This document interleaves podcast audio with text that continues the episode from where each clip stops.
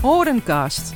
Een podcast waarin inwoners van Horen een persoonlijk verhaal vertellen over een voor hun bijzondere locatie in Horen.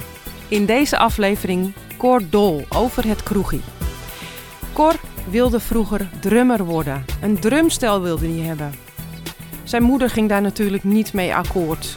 En gelukkig kreeg hij later dan wel een gitaar waar hij op ging spelen. En daarbij ook zingen. Cor heeft uh, West-Friesland rondgetrokken met het Brel.nl-programma. En ook is hij uh, lid geweest van de 80s band The Very 80s. Maar daarvoor, in zijn tienerjaren, zat hij in de band Trial. En daar gaat hij wat meer over vertellen. Cor, welkom in de nieuwe studio hier, Vlot Sound Studio. Ja, geweldig, het ziet er Ja. mooi uit. Ja, dank je. Ja. Tenminste, namens uh, Fons. Uh, wij kwamen een beetje aan de praat. En uh, toen zei jij dat je nog wel een leuk verhaal had over een adres in Horen. En Ja. uh, dat uh, is het kroegie. ja, precies uit de Kerkplein. Nummer weet ik niet. Wat zal het zijn? Ja, dat is een slechte voorbereiding van mij. Ja. Ja, Twee of vier, ja. ja. Ja, dat klopt. En um, in die tijd zei je, je was wel wat met muziek bezig. Ja, klopt. Ik was toen, uh, ik denk dat ik, ja, het is wel heel lang geleden hoor. Hoe oud was ik? Ik denk dat ik, dat ik 17 was. Ah, dat is toch vorig jaar? Nou ja, vorig jaar, een paar jaar geleden. Nee, ik denk dat, wat was het, 1982 denk ik. In uh, het kroegie was toen van, uh, van Piet, uh, Piet Dekker. Was daar toen de, de, eigenaar en stond achter de bar. En ik zat in een beentje met, met Hans Gillissen, met Job Groenewegen, met Eddie de Best. Ja. het bandje heette Trial. Waarom weet ik nog steeds niet, maar dat bandje heette nou eenmaal zo. We hadden wat, een half uurtje repertoire. Wat rock'n'roll dingetjes en wat eigen liedjes. En we hadden ook een bandje opgenomen. En we dachten van ja, we moeten eens een keer gaan optreden. En uh, volgens mij had Eddie had gehoord van uh, ja, bij Piet Dekker op, in het kroegie uh, op het Kerkplein. Daar is elke woensdagavond muziek. Misschien dat we daar kunnen spelen. Dus zo zijn we daar terechtgekomen. Hoe heb je hem gevraagd? Uh, ik ben met Eddie ben ik daar een keer gewoon heen gegaan. Gewoon op, niet op een woensdag, maar op, op een maandag of een dinsdag of een andere doordeweekse avond gingen we daar gewoon heen. Met het, met het bandje in onze handen en met, met knik in de knieën. Want ja, ja. Piet zelf stond achter de bar. En, uh, uh, ja. en wij vroegen van, nou Piet, zus en zo, een beentje, trial. En ja, Piet reageerde wat knorrig. Ja, wat moet dat dan kosten, jongens? Nou ja, wij waren met z'n vieren. We dachten van nou, allemaal 25 gulden. Dat, uh, dat is toch een geweldig bedrag. Dus nou ja, 4 keer 25 is 100, 100 gulden, Piet. Jongen, jongen. Nou, nou, hij begon nog uh, zuiniger te kijken. En, uh, nou, hebben jullie een bandje of zo? Ja, wat een bandje mee. En hij zette dat gewoon op over de speakers van, van het café. En nou... Nou, het hield allemaal niet over aan enthousiasme. En, maar goed, we mochten het dan wel proberen. En nou, wij, ons hart maakte een sprongetje en datum geprikt. En, ik geloof ergens in, in, in april op een woensdagavond gingen wij ons eerste optreden doen. Wow. In het kroegie bij ja. Piet Dekker. Ja, hm. ergens april ik denk 1982 uit mijn hoofd. Ik heb het gisteravond in bed even uitgerekend en dat moet het volgens mij ongeveer zijn. Ja, ja mooie tijden. En uh, hadden jullie een beetje publiek? Ja joh, we hadden natuurlijk, het was ons eerste optreden, dus uh, we hadden de, de, hele school uitgenodigd, uh, al onze familie. Dus nou, het kroegje was natuurlijk en is nog steeds niet bijzonder groot. Dus ja, het, het café barstte natuurlijk volledig uit zijn voegen. Mensen stonden tot in, uh, letterlijk tot, tot in de vensterbanken om, uh, om ons te zien. Zo. En uh, ja, dat was natuurlijk geweldig. op een doordeweekse avond. En Piet keek ook zijn ogen uit. Ja. Die dacht van, mijn god, wat, wat gebeurt hier allemaal? die heeft natuurlijk een, een, een, geweldige omzet gedraaid op een op een, op een normale woensdagavond. Uh, ja, ja. En wij stonden daar, uh, ik weet niet of je dat nog weet, in het kroegje voorheen had je een soort, een, een, ja, een soort balkonnetje. Ik weet niet, is dat ja. nog steeds? En ja. daaronder, tegenwoordig hebben ze volgens mij de vloer gelijk gemaakt, maar voorheen was daar een soort kuil. Kuil, er zat, er zat eh, nou ja, wat zal het zijn, 20 centimeter, 30 centimeter eh, naar beneden. Dus daar stonden wij in. Dus we stonden niet op een podium, maar we stonden juist in, in de kuil, in de goot.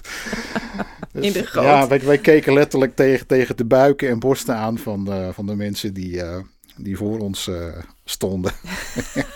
ja, was wel... Geweldig wel- uitzicht. ja, geweldig uitzicht. En die, die- ja, door alle drukte kwamen die buiken natuurlijk allemaal steeds meer naar voren. Dus eh, het was eigenlijk wel, wel tamelijk bizar. eh. Ja, ja, ja. ja, ja.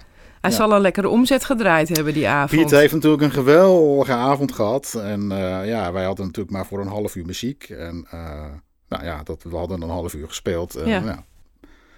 Dus, nou, klaar, dachten wij. En Piet vroeg van, eh, nou, hoe laat beginnen jullie weer? Jongens, ja, hoe laat beginnen we? We zijn klaar, we hebben niet meer. Nou, begin je weer van voor af aan. Dus eh, ik geloof dat we die avond eh, drie of vier keer alles hebben gespeeld. Het publiek kreeg er maar geen genoeg van. Echt, is echt waar. Oh, wat leuk. En wij gingen gewoon maar door. We hebben ons